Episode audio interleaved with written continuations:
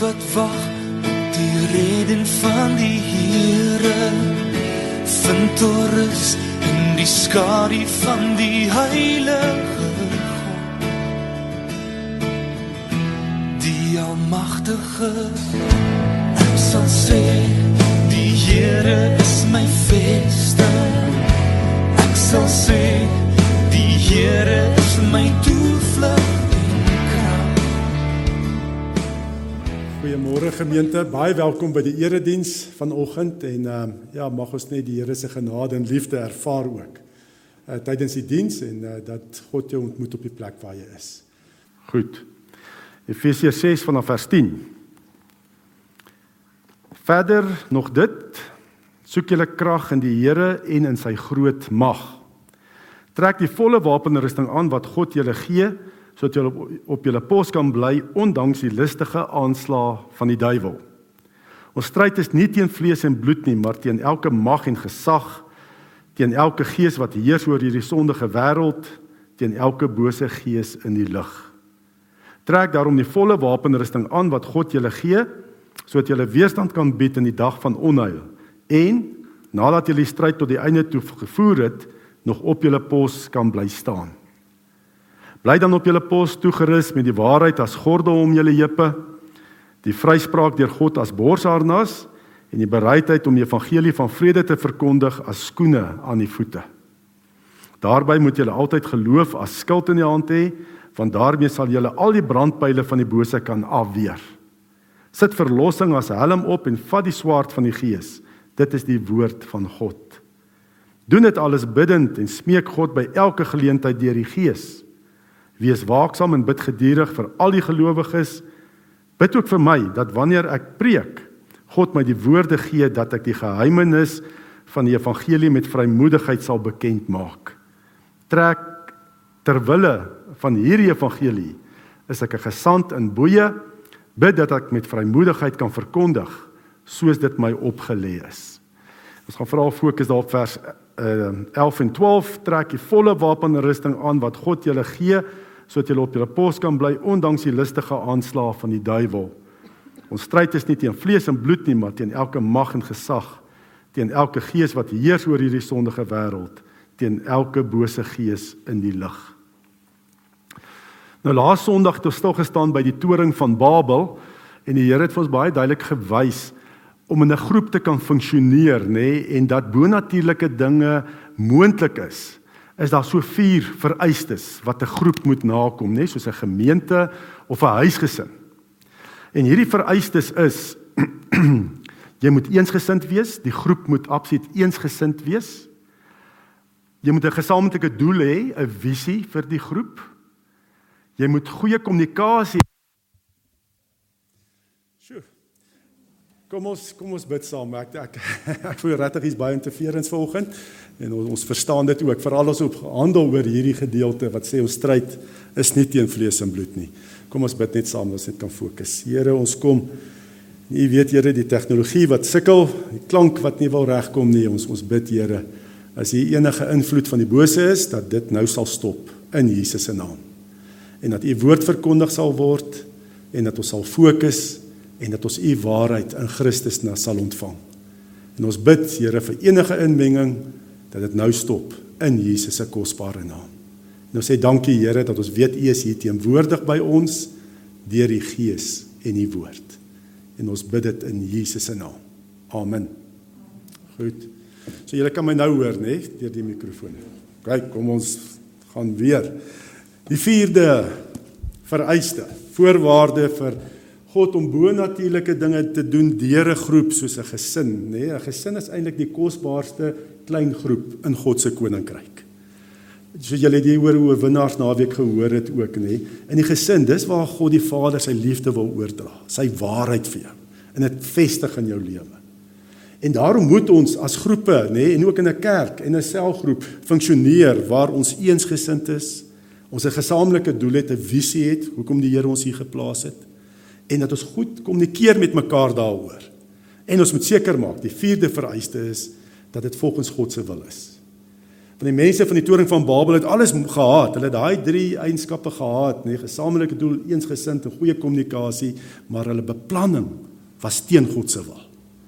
En toe kom die Here en hoes op en hy sê, kyk, daar's hulle almal nou saam in een en niks gaan vir hulle meer onmoontlik wees nie, maar toe kom die Here en hy verwar hulle taal. Dit meer gegaan as net dit wat hulle praat, die taal wat hulle gepraat, hulle daar was klomp misverstande. Jy kan mos iemand se taal aanleer. Daar het oneenigheid gekom. En dit moet ons weet, die duiwel is 'n naper. En hy sal hierdie selfde taktik gebruik ook in jou gesin of in 'n kerk. Nê? Nee? Waar mense saam staan en sê maar my, ek en my gesin nê, nee, soos wat Josua sê, sal die Here dien nê. Nee. Of hierdie gemeente hier sê Here, ons weet dis u roeping. Nê, nee, ons gaan dit doen. Ons is wat gaan die duiwel kom doen? Hy gaan ons kommunikasie stelsel kom ontwrig. Net dat ons klop misverstande en dat ons mekaar dit nie verstaan nie en dat hier verdeeldheid is. Ons moet dit weet. Hy wil nie hê die Here moet groot dinge in en deur 'n groep gelowiges doen nie. En ehm um, ja, as hy kom met sy misverstande en dan spat 'n gesin uitmekaar, nê. Nee, of 'n uh, 'n kerk kan self skeer en dis verskriklik as so iets gebeur, nê. Nee. En baie keer gebeur dit reeds in die leierskap, nê, nee, waar meer as een predikant of pastore is, dan's daar verdeeldheid, nê, nee, en dan lag die duiwel. Hy hou, hy's mal daaroor dat hierdie geestelike leiers van mekaar verskil en verdeeld is. Dan weet jy dan stop die Here se werk net daar. Ehm um, daar's soveel voorbeelde wat die Here kan doen. Ag, nie wat die Here wat die duiwel gebruik om misverstande te veroorsaak. Um, ek het laas Sondag so vinnig verwys dat hierdie hierdie man sê sy vrou is hypersensitief. Hy kan nie eens vir haar vir haar 'n vraag vra nie. Hy kan nie eens vir haar vra, ehm um, het jy die ligte aangelos nie? Maar sy kom dan en sê sy, nee, dis nie wat jy gevra het nie. Jy het gevra het jy alweer die ligte aangelos. Verstaan jy? En dadelik is daar stryd en hulle is skwaad vir mekaar en die kommunikasie is gebreek. Want mense wat wetenskap van kommunikasie ingaan, hulle sal hulle sê ook en sê dit's net 10% dit wat jy sê. Kommunikasie gaan net oor 10% wat jy sê. 90% van kommunikasie is jou stemtoon, liggaamstaal, wanneer jy dit sê, nê, nee, daai goed speel 'n groter rol as dit wat jy sê. En so die duiwel, hy gebruik veral daai nie-verbale kommunikasie om boodskappe oor te dra aan mense en tussen gelowiges en in gesinne. Ja, Ilse Marie het so 'n week of wat terug ook na my toe gekom en gesê, "Kan sy vir my gesê, kan sy vir my iets vra?" Ek sê toe ja. Toe sê sy nee, ag, wat los dit maar. Ek sê, "Maar wat gaan aan?" Ek dan gesê, "Ja." En sy sê toe, jy het nie gesê ja nie. Jy het so frons gehad en gesê ja. Sê dan en en, en dadelik sê ek al daar's nie lekker tussen ons nie. Nê? Nee? Ehm um, hoekom was sy nou nie sê nie en sy voel nie lekker nie. Maar dit is dit is hoe die duiwel werk, nê? Nee? Hy hy hy stuur misleidende boodskappe en ons moet bewus wees daarvan. Nê? Nee? Dat ons kommunikasiesisteem sal reg wees. Ehm um, ja. En daarom moet ons hom weerstaan met die waarheid. Uit terugkom by die waarheid, maar ek sal eindig daarmee om dit mooier te verduidelik. Maar in Efesiërs 6 vers 11 staan daar: "Ehm um, trek die volle wapenrusting aan wat God julle gee, sodat julle op julle pos kan bly ondanks die listige aanslae van die duiwel." So, wat is hierdie listige aanslae van die duiwel? Net, dit is geslepe, die Griekse woord beteken geslepe planne en metodes, methodeia in die Grieks geslepe planne en metodes van die duiwel om ons te mislei en te bedrieg. In Engels praat hulle van schemes. Die duiwel het 'n klomp schemes om ons te mislei en te bedrieg en om groepe af te breek. Net die die duiwel moet gebruik maak van schemes.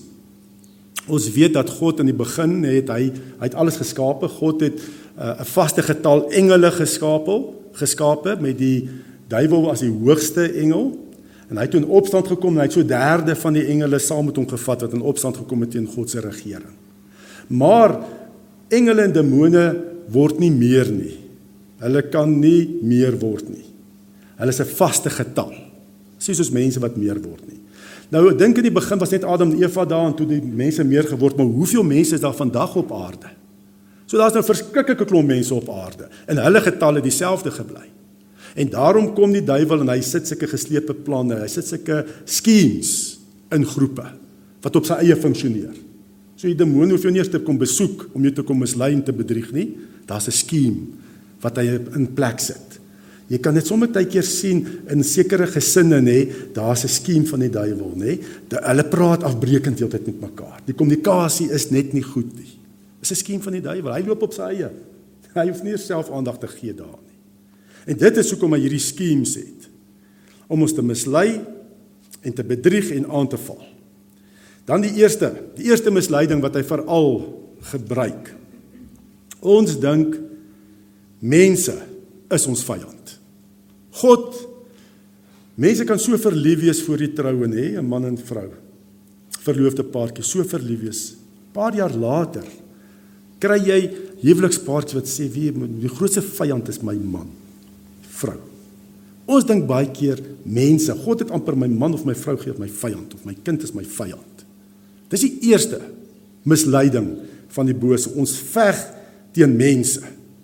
Terwyl daar staan Paulus sê in vers 12, ons stryd is nie teen vlees en bloed nie, maar teen elke mag en gesag, teen elke gees wat heers oor hierdie sondige wêreld, teen elke bose gees in die lig. So die eerste misleiding is moenie mense sien as jou vyand nie. Vat maar aan jou man of jou vrou. Hulle is van vlees en bloed of van jou kind of van jou ouer of van 'n medegelowige. Jy sal voel hulle is van vlees en bloed. En wat sê die Here? Ons stryd is nie teen hulle nie. Ons stryd is 'n geestelike stryd. Ehm um, en dit is wat die duiwel wil hê. Hy wil hê ons moet veg met mekaar. Ons moet sê ons stryd is teen my man of vrou, ek sal wys vir ek is reg of my kind. Of Daai broer in die kerk, ek en hy verskil. Ek sê ons moet dit so doen, hy sê so, ek sal hom wys ek is reg, hy is my vyand en dan begin ons met mekaar te veg. En die duiwel is mal daaroor. Hy dis sy skiem. Dis wat hy wil hê moet gebeur. Nou ek het so ruk terug gepreek oor hierdie gedeelte ook en ek wil net weer 'n vergelyking gebruik want dit is my net so 'n kragtige vergelyking oor wat die stryd aangaan om dit uit te beeld dat ons dit beter kan verstaan. En hierdie vergelyking wat ek gaan gebruik is 'n storie van die Revolutionary War in Amerika in 1775 met die slag van ehm um, Lexington waar die Britte die Amerikaanse koloniale soldate aangeval het. Nou wat daar by die slag van Lexington gebeur het, uh, jy weet daai tyd hulle mos sulke linies gestaan, die soldate teenoor mekaar, dan skiet hulle mekaar en tree vorentoe en skiet jy en so. So hierdie twee uh, magte, die Britte en die Amerikaners het in sulke linies teenoor mekaar gestaan met die twee generale wat tussenin gestaan het en onderhandel het, kyk of hulle die slag kan vermy. Onderhandel gaan jy oorgee of nie. En terwyl hierdie twee generale onderhandel het, het daar 'n skoot afgegaan en die 2B, tweede bevel van die um, Britse magte getref, noodlottig en ja, noodlottig getref. En toe die Britse generaal dit sien, toe stop hy net daar die onderhandeling en hy sê vir sy soldate skiet. En uh, natuurlik die Amerikaners skiet toe terug. En vandag nog weet hulle histories kan nie bepaal wie daai eerste skoot afgetrek nie. Wie het hom geskiet? Weet wat die Britse 2DB uh, eh, noodlottig gewond het. Weet nie wie dit is nie. Maar die storie wat ek gelees het sê daar was 'n wapenhandelaar wat geskuil het in die bosse. En hy het nie hy hy was nie aan die kant van enige van die magte van die Britte of die Amerikaners nie. Hy het net 'n skiem gehad om hierdie oorlog aan die gang te sit sodat hy kan geld maak. Sodat hy wapens kan verkoop aan die Britte en aan die Amerikaners.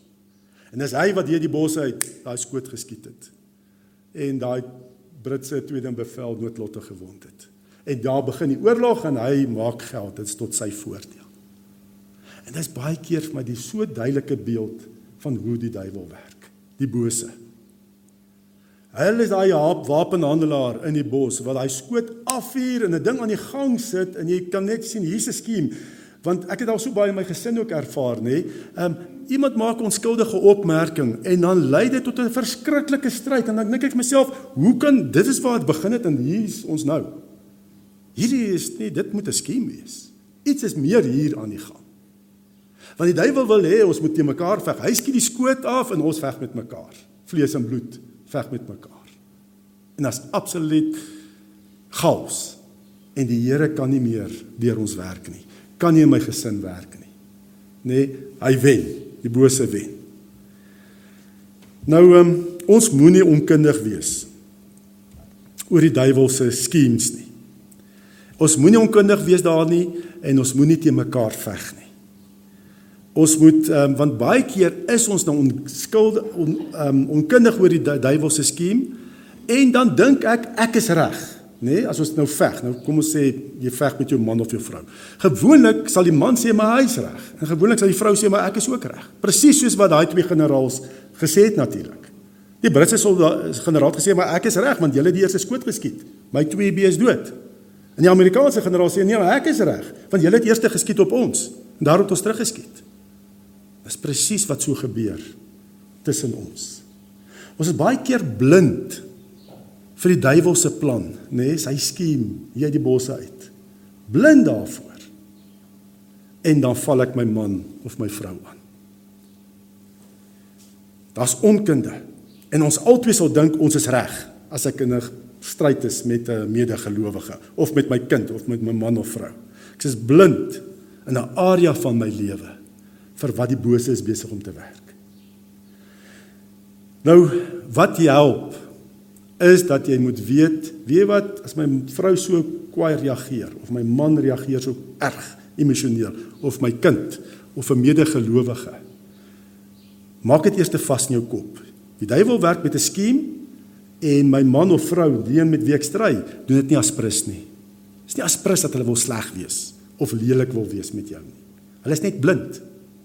Blind in 'n area van hulle lewe van hoe die bose werk.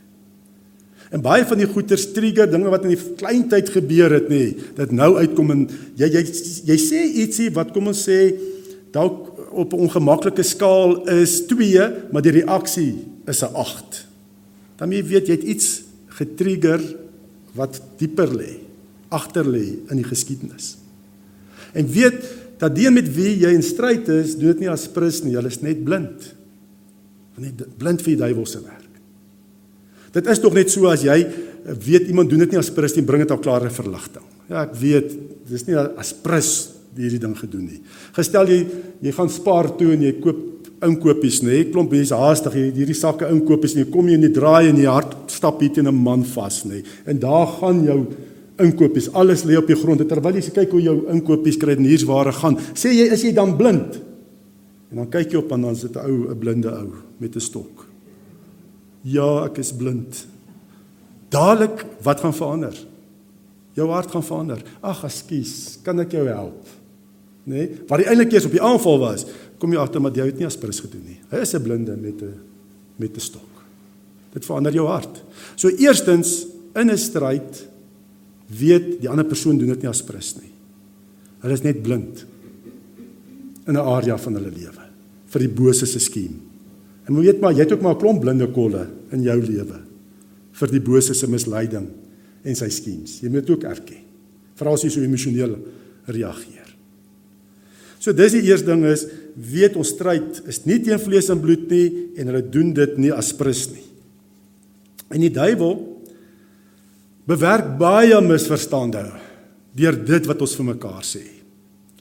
Nê nee, en ehm um, en hy hou hy ontwrig kommunikasie in gesinne. Ek dink met die Grendeltyd het baie gesinne dit ervaar as jy na die statistieke luister van domestic uh, violence nê nee, ehm um, huishoudlike geweld, dan kom ons agter daar was baie die duiwel het lekker gewerk want hy is die mense moordenaar was selfs mense hulle eie mense doodgemaak het in sulke dinge. Nee, hy sit agter al hierdie goeters. En hy gaan aan en ons sien mekaar as die vyand, vlees en bloed en so gaan ons aan.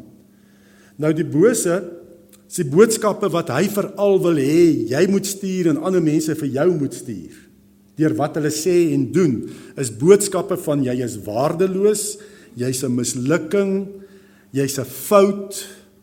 Jy is maar net nie goed genoeg nie. Dis die boodskappe wat hy wil stuur vir mense en dat hulle begin met mekaar beklei. As byvoorbeeld, kom ons vat 'n voorbeeld. Gestel 'n man is onder druk by die werk, hy werk verskriklik hard. lang ure wat hy by die werk is. Nou nou mis sy vrou hom. Sy het 'n behoefte aan 'n man. En sy uh, ja, sy mis omdat hy so min by die huis is. En nou kom sy en nou werk die duiwel weer met 'n skiem. Dis veral as jy behoefte uitspreek as 'n verwyte En ek het dit so duidelik gesien, um, in hierdie Grendeltyd ons so reekse begin kyk nê nee, in 'n uh, ort nie snort net. Jy ek dink van julle het seker al gekyk nê. Nee. en dan hoor mense dit daai gesin, hoe hulle behoeftes uitspreek in verwyte. Moet mens nou eers omtrent van van die van die dors omkap voor jy koffie kry. Jy daai tipe goeters wat gesê word. En dis 'n skiem van die duiwel. Jy spreek 'n behoefte uit in 'n verwyte. Eintlik het jy behoefte, net 'n behoefte. Ehm um, nou hierdie vrou, as nou hierdie vrou vat wat haar man mis, nou kom sy en sy sê vir haar man, sy spreek haar behoefte uit, maar sy sê, "Ja, jy werk ook net altyd. Ek alleen moet die huis hou ding aan die gang hou. Ek maak alleen die kinders groot. Jy's nooit hier nie. Jy's net uit by die werk." Dink jy dat daai man gaan reageer en sê, "Ai mevrou, jammer. Jy's reg. Ek werk net altyd. Ek is mislukking as 'n pa. Jy maak alleen die kinders groot. Dink jy dis hoe die man gaan reageer? Nee. Hy gaan dadelik verdedig. En sê, "Maar ek moet werk. Want julle klere rekeninge is so hoog. Dat ek moet hard werk om al hierdie rekeninge om julle te onderhou moet ek betaal." Dis waaroor dit gaan. Nee, hy, hy en hy slaan dan terug met 'n aanval, want hy word aangeval en verwyd. En dan's haar groot. Dis eintlik 'n mooi ding in haar hart wat sy eintlik net wil hê, haar man moet net meer tyd met haar spandeer want sy mis hom. Nee, sy het 'n behoefte aan hom. En wat gebeur? Groot stryd waar die een die ander beskuldig van jy's mislukking as 'n pa, jy's nooit nie, jy's nie 'n goeie man nie. Ja, maar julle spandeer net geld, julle weet nie om geld te hanteer nie en ek doen dit vir julle en dis net 'n klomp verwyte. En daar's en mis het hom op die punt. Dit gaan nie oor geld wat gespandeer word of mislukking as 'n pa of man of wat ook al nie. Sy het eintlik net 'n behoefte aan haar man. En dit gebeur baie. En hulle begin mekaar aan te val.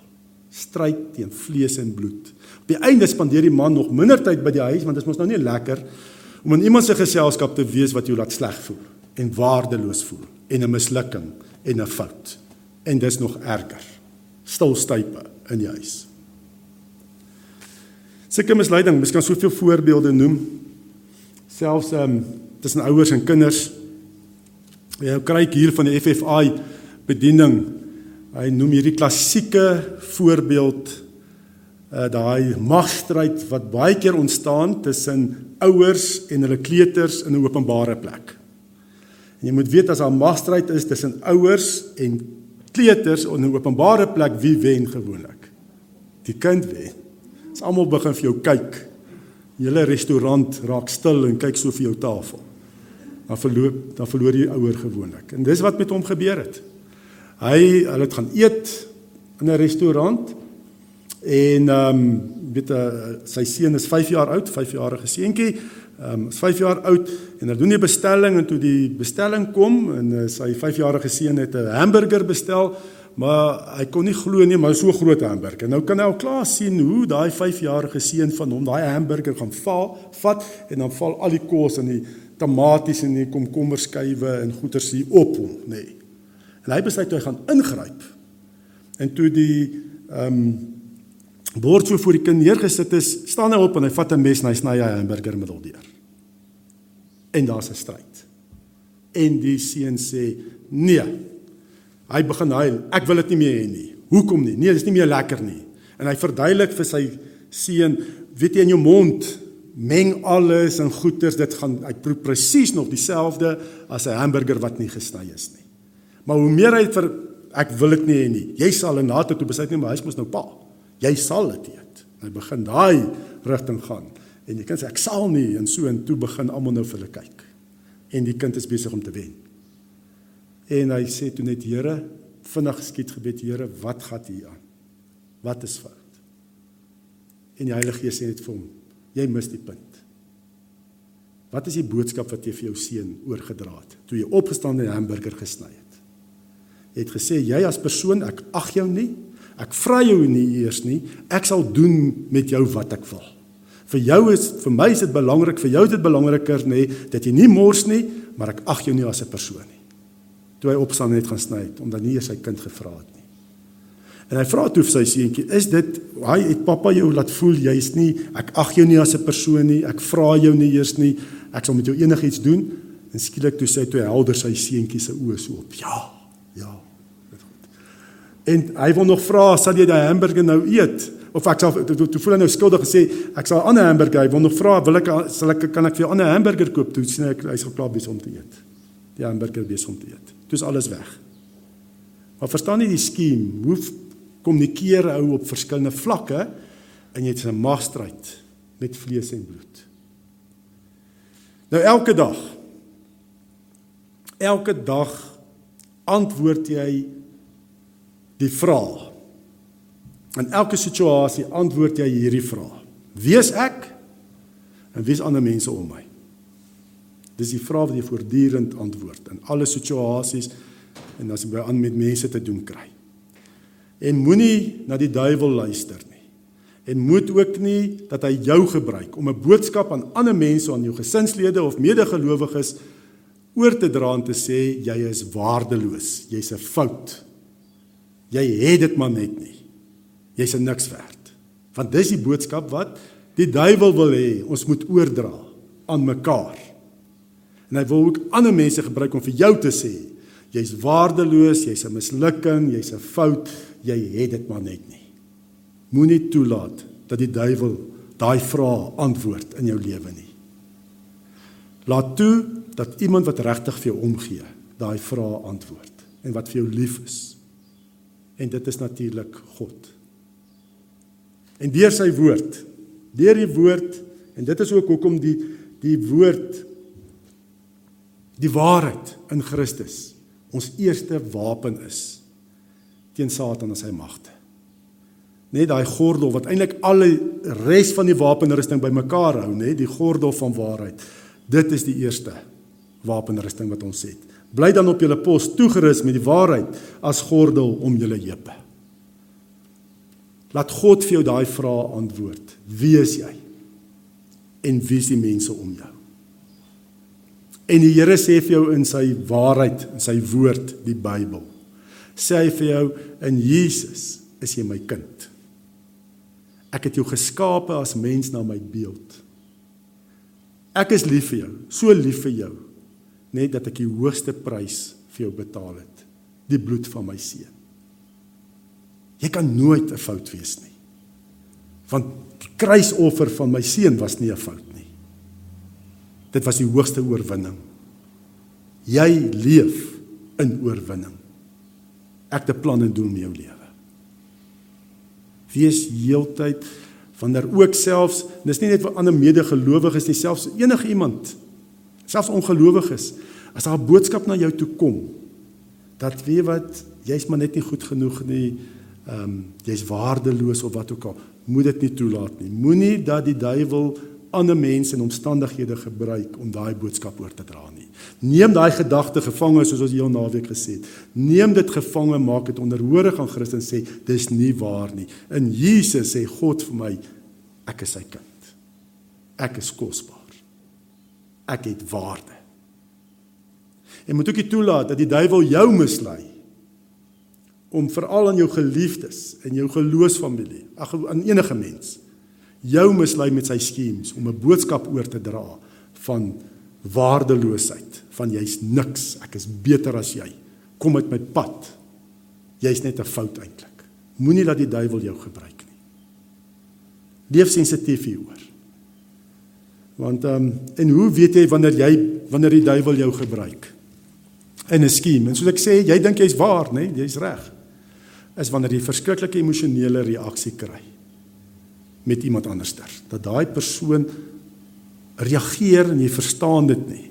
Maar moet jy weet, dan moet jy weet, dis nie dit wat jy gesê het so seer nie. Is die boodskap wat jy oorgedra het. Die manier en wees sensitief en sê maar okay, nou weet ek, my stryd is nie teen vlees en bloed die duiwel werk hier. So wat het jy gehoor toe ek dit vir jou gesê het? My man, my vrou, Wat het jy gehoor? O nee, jy het my so en so laat voel. Kom weg van daai ehm um, van die die tematiese boodskap. Hoe kom dit topical? Dis in die Engels topical. Kom na die verhoudingsboodskap. Wat is die verhoudingsboodskap wat jy oorgedra het? En as jy sensitief leef ten opsigte van hierdie boodskappe wat jy ontvang en wat jy deurgee. As jy sensitief leef daaroor, dan sê jy agterkom wat die Here gebruik jou as 'n bedienaar van verzoening in jou gesin en die plekke waar jy beweeg. Dat God bonatuurlike dinge in en deur jou doen, meer as wat jy kan bid of dink. En ons kan net ja, dat die Here ons gebruik. Amen. Ontvang die seën van die Here en gaan dan ook in vrede en in oorwinning. Die genade van ons Here Jesus Christus en die liefde van God die Vader en die gemeenskap van die Heilige Gees sal by ons elkeen wees en bly. Amen. Sal sê die Here is my vesting. Ek sal sê die Here is my toevlug en krag. My God, wie ek vertrou.